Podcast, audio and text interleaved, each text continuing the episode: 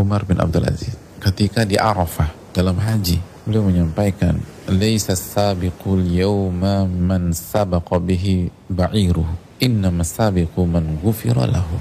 Kata Umar bin Abdul Aziz hari ini pemenangnya bukan siapa yang lebih dulu sampai di Arafah dengan untanya. Pemenangnya adalah orang yang diampuni di hari Arafah. Lihat bagaimana para ulama memaknai kompetisi dan persaingan tanamkan di dalam hati kita inilah perlombaan sesungguhnya